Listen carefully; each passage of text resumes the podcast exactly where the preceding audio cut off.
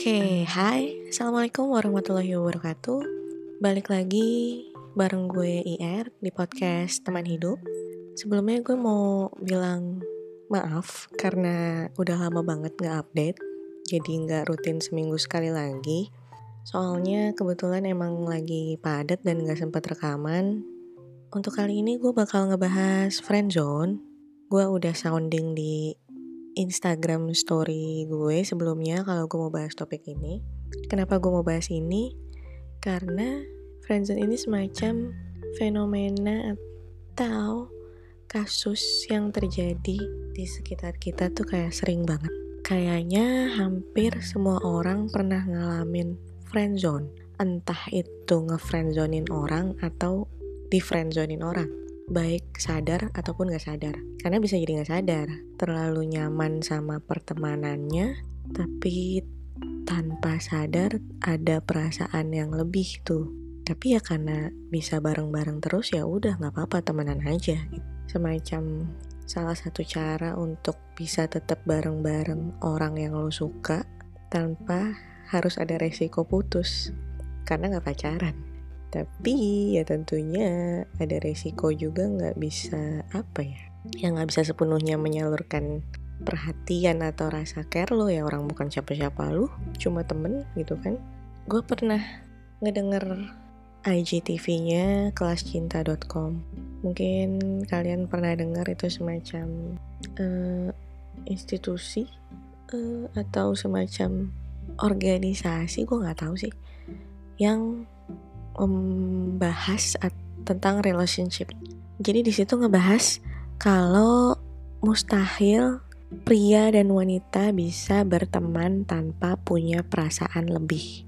Kalau menurut si trainernya atau speakernya, gue nggak tahu apa sebutannya. Cewek, cowok, temenan tanpa ada rasa ketertarikan yang lebih dari sekedar teman itu sebenarnya nggak mungkin gitu. Karena semacam udah fitrahnya gitu. Saat ada orang yang deket dan nyaman lo ajak ngobrol dan biasanya kalau sama teman kan kayak gitu ya nyaman. Itu pasti akan ada perasaan apalagi kalau si teman itu uh, punya looks atau penampilan atau wajah yang di atas rata-rata. Maksud gue kalau cowok ya dia lumayan ganteng dan cewek lumayan cantik. Itu kemungkinan besar pasti salah satu atau dua-duanya punya perasaan lebih. Kenapa gue bilang atau dua-duanya? Karena bisa jadi yang satunya lagi bukannya yang gak suka, tapi bisa jadi dia gak sadar kalau dia suka, atau dia sadar dia suka cuma dia denial. Kayak enggak, kayaknya gue gak mungkin suka sama dia itu pasti kayak cuma perasaan gue sayang ke temen aja gitu. Padahal sebenarnya dia suka, tapi bisa jadi sih emang beneran pure gak suka, emang beneran nganggap temen aja gitu. Cuma karena mungkin dia personalitinya baik ke semua orang, ada kan? Kalian pasti pernah nemuin makhluk-makhluk yang nice ke semua orang. Ini orang-orang kayak gini itu paling susah ditebak. Kenapa? Ya karena emang dia sebenarnya baik ke semua orang. Cuma ada orang-orang tertentu yang menyikapi kebaikannya dia dengan kebaperan. Gue pernah jadi di posisi yang berusaha baik tapi malah bikin baper. Ya serba salah sih maksud gue. Memang kita jadi manusia makhluk sosial yang akan berhubungan sama orang bermacam-macam dan orang banyak berganti-ganti itu harus pinter-pinter. Apa ya? Pinter-pinter mengendalikan perasaan maksud gue. Jangan terlalu mudah baper. Gue udah sempat browsing browsing artikel asik. Biar bahasan ini ada faedahnya jadi gue browsing gitu kan jadi cuma nggak asal bacot karena gue sebenarnya kalau dibilang punya pengalaman friendzone atau enggak mungkin pernah. Tapi gue nggak sadar kayak terlambat sadar. Dan baru sadar kalau ada orang yang nge-trigger gitu. Lu kayaknya suka deh sama dia. Hmm masa gitu ya. Baru gue coba berpikir begitu. Berpikir baik-baik apakah gue suka atau enggak. Jadi gue nemu artikel nih. Judulnya cara menghindari friendzone lebih ke ngasih saran ke cowok sih ini tuh saat lo tertarik sama cewek, jangan pernah masuk ke hidup cewek itu sebagai teman yang terlalu baik maksud gue. Ada orang-orang yang memang suka mengkotak-kotakan orang yang dia kenal. Gue juga punya teman yang kayak gini. Maksud gue mau kotak-kotakan adalah jadi dari awal tuh dia udah masukin misalnya si A ini masuk ke kotak temen, si B masuk ke kotak gebetan, si C masuk ke kotak sahabat, si D masuk ke kotak orang yang harus dijauhin gitu. Dan kata dia, sekali itu ada di kotak itu yang gak akan keluar. Maksudnya adalah sekali orang masuk ke hidupnya sebagai teman dan udah dia masukin ke kotak teman, jangan pernah berharap untuk bisa lebih dari teman. Dia nggak akan bisa keluar dari kotak itu. Jadi kalau baiknya gitu, lo tentuin deh kalau itu orang mau dijadiin teman ya udah jadiin teman. Tapi kalau emang dari awal lo udah tertarik gitu, ya mungkin belum suka banget atau belum beneran cinta, gue nggak tahu apa itu cinta. Better lo jangan terlalu bikin dia nyaman sebagai teman gitu sama lo. Jadi semacam hmm, bikin garis dari awal. Jadi ya lo jangan masuk ke hidupnya sebagai teman baiknya yang selalu ada saat dia mau curhat tapi yang dicurhatin orang lain ya kan bete. Terus lo nganterin dia ke mana-mana tapi lo bukan pacarnya lo beliin dia macam-macam berlebihan tapi dia juga nggak nangkep masih nggak nangkep maksud lo kalau itu tuh lo mau lebih dari temen gitu. Karena lo udah terlalu nyaman jadi temen. Untuk keluar dari situ susah gitu. Gue juga sempat browsing gitu sa. Kalau kita udah terlanjur kejebak di zona teman gimana caranya keluar dari situ? How to turn friend zone into relationship, into love zone gitu. Untuk tips yang pertama, ini gue lihatnya dari artikel IDN Times. Jadi untuk ngerubah friend zone jadi love zone itu, coba jaga jarak dulu supaya hubungannya bisa pulih lagi dalam tanda kutip. Maksud gue saat lo mungkin udah cross the line gitu, lo ngambil satu step lebih untuk mencoba merubah friendzone itu jadi love zone itu kan biasanya kadang suka awkward gitu kan hubungannya. Nah coba untuk jaga jarak dulu nih. Coba ngilang dulu dari dia mundur sebentar. Siapa tahu pas di waktu kita ngilang sebentar itu dia jadi mulai nyariin gitu dan akhirnya sadar arti keberadaan lu gitu. Terus tips selanjutnya coba jangan kasih hadiah apa-apa yang berlebihan kecuali kalau dia lagi ulang tahun gitu. Jadi jangan bikin dia terlalu nyaman dapat macam-macam dari lu padahal lu bukan siapa-siapanya. Terus coba baca situasi, baca feedback yang dia kasih gitu. Coba untuk lebih peka supaya bisa um, mempertimbangkan langkah selanjutnya nih. Apakah harus lanjut atau dia terlihat tidak tertarik dan gak ngasih respon positif ya udah mundur aja gitu. Terus kalau jalan berdua jadi lebih awkward dari biasanya coba ajak teman-teman yang lain buat nongkrong bareng gitu. Supaya kalian bisa tetap jalan sama dia tapi nggak terlalu canggung.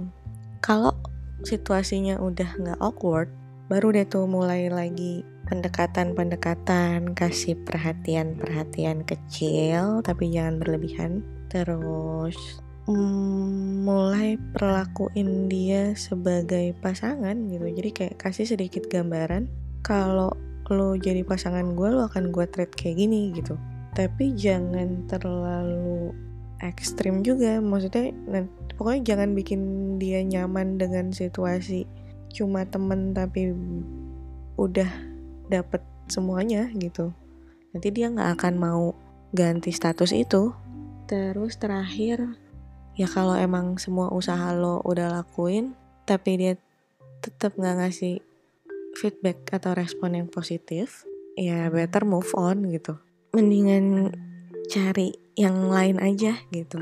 Nah, itu kan tadi cara ngerubah dari friend zone jadi love zone. Kalau ada yang nanya ke gue, gimana caranya kalau lu nggak mau ngerubah itu jadi relationship, lo mau tetap temenan aja sama dia tapi lo mau ngilangin si perasaan sukanya ini nih jadi kayak udah mau jadi temen biasa aja udah nggak usah baper nggak usah suka gitu iya gue akan bilang kalau kasusnya kayak gitu sih ya sorry to say gitu you have to deal with your own self your own heart because no one can help but yourself kalau udah kayak gitu gitu. Karena kan yang punya perasaan lu doang nih gitu. Dia enggak dan lu mau ngilangin perasaan itu dan tetap jadi teman biasa kan sama dia ya lu harus kontrol hati lu sendiri gitu. Lu harus berdamai dulu sama diri lu. Lo coba tarik diri lu jaga jarak lo ngilang dulu gitu jauhin diri dulu dari dia sampai hati dan pikiran lo udah netral lagi gitu. Jadi kalau ketemu sama dia udah udah ikhlas udah nggak punya perasaan apa-apa udah biasa aja lagi gitu. Dan itu nggak bisa dibantu sama orang luar itu pure harus kita lakuin sendiri gitu.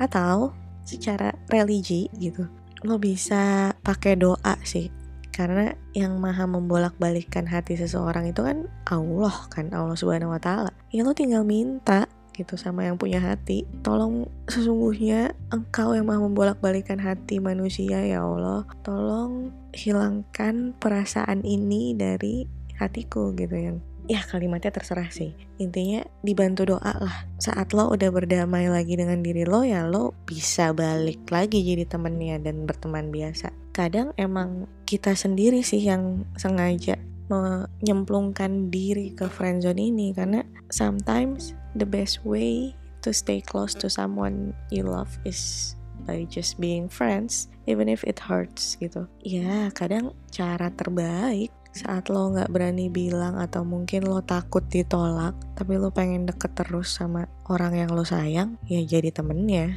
jadi teman baiknya yang akan selalu deket sama dia kapan pun itu dan gak ada resiko putus gitu. Temen gue ada yang pernah bilang ke gue kehadiran seseorang di hidup kita itu bisa jadi dua hal. Saat kita suka sama dia dan dia juga suka sama kita orang itu bisa jadi person of life bisa jadi pasangan hidup kita mungkin. Tapi saat kita suka dia tapi dia nggak suka kita atau ya emang dia kita nggak suka sama dia gitu kita benci sama dia. Mungkin orang itu datang di hidup kita tuh untuk jadi lesson of life gitu pelajaran aja di hidup kita. Yang cuma numpang lewat yang harus kita ambil hikmahnya nggak lebih gitu. Karena ya memang banyak makhluk-makhluk yang nice ke semua orang yang kalau kita nggak singkap sikapi dengan baik gitu ya kita bisa baper abis itu repot sendiri udah. Ya urusan lu gitu ngapain baper sama orang baik? Ya emang dia udah baik dari sananya kan. Tapi saran gua gitu yang gue tangkep hasil nonton film Friendzone kemarin. Kalau kalian tahu film Friendzone film Thailand judulnya Friendzone itu kebetulan gue baru nonton beberapa hari lalu di Hook. Karena waktu tayang di bioskop itu gue nggak sempat nonton walaupun gue baca reviewnya bagus katanya. Dan pas gue nonton emang ceritanya bagus dalam gitu loh. Dan sangat relate sama kehidupan kita sehari-hari. Di situ digambarin mereka udah friendzone dari SMA dan akhirnya salah satu coba untuk cross the line gitu. Tapi pelajaran yang gue ambil dari film itu adalah once you cross the line there's no way back gitu. Jadi sekali lo udah nyatain kalau lo nggak mau terusan nggak mau terus terusan di friend zone itu nggak mau jadi teman biasa lo mau lebih make sure lo bisa ajak dia ke jenjang yang lebih serius. Make sure lo bisa ngajak dia nikah gitu nggak cuma pacaran. Karena sayang kan udah lo friendzone bertahun-tahun terus akhirnya lo berhasil nih misalnya lo berhasil ngerubah itu jadi relationship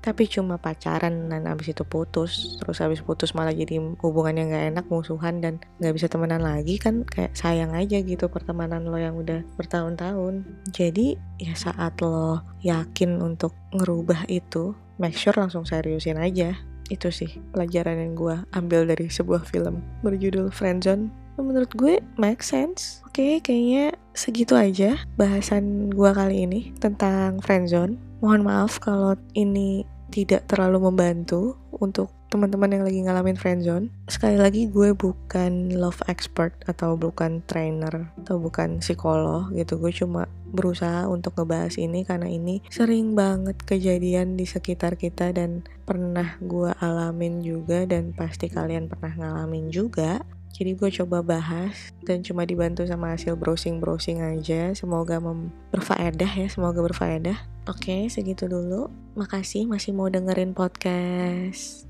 teman hidup dan gue berdoa kalau kalian ada di posisi ini, ada di zona ini, semoga kalian bisa mendapatkan solusi yang terbaik. Amin. Oke, gue pamit undur diri. Assalamualaikum warahmatullahi wabarakatuh and have a nice day. Bye.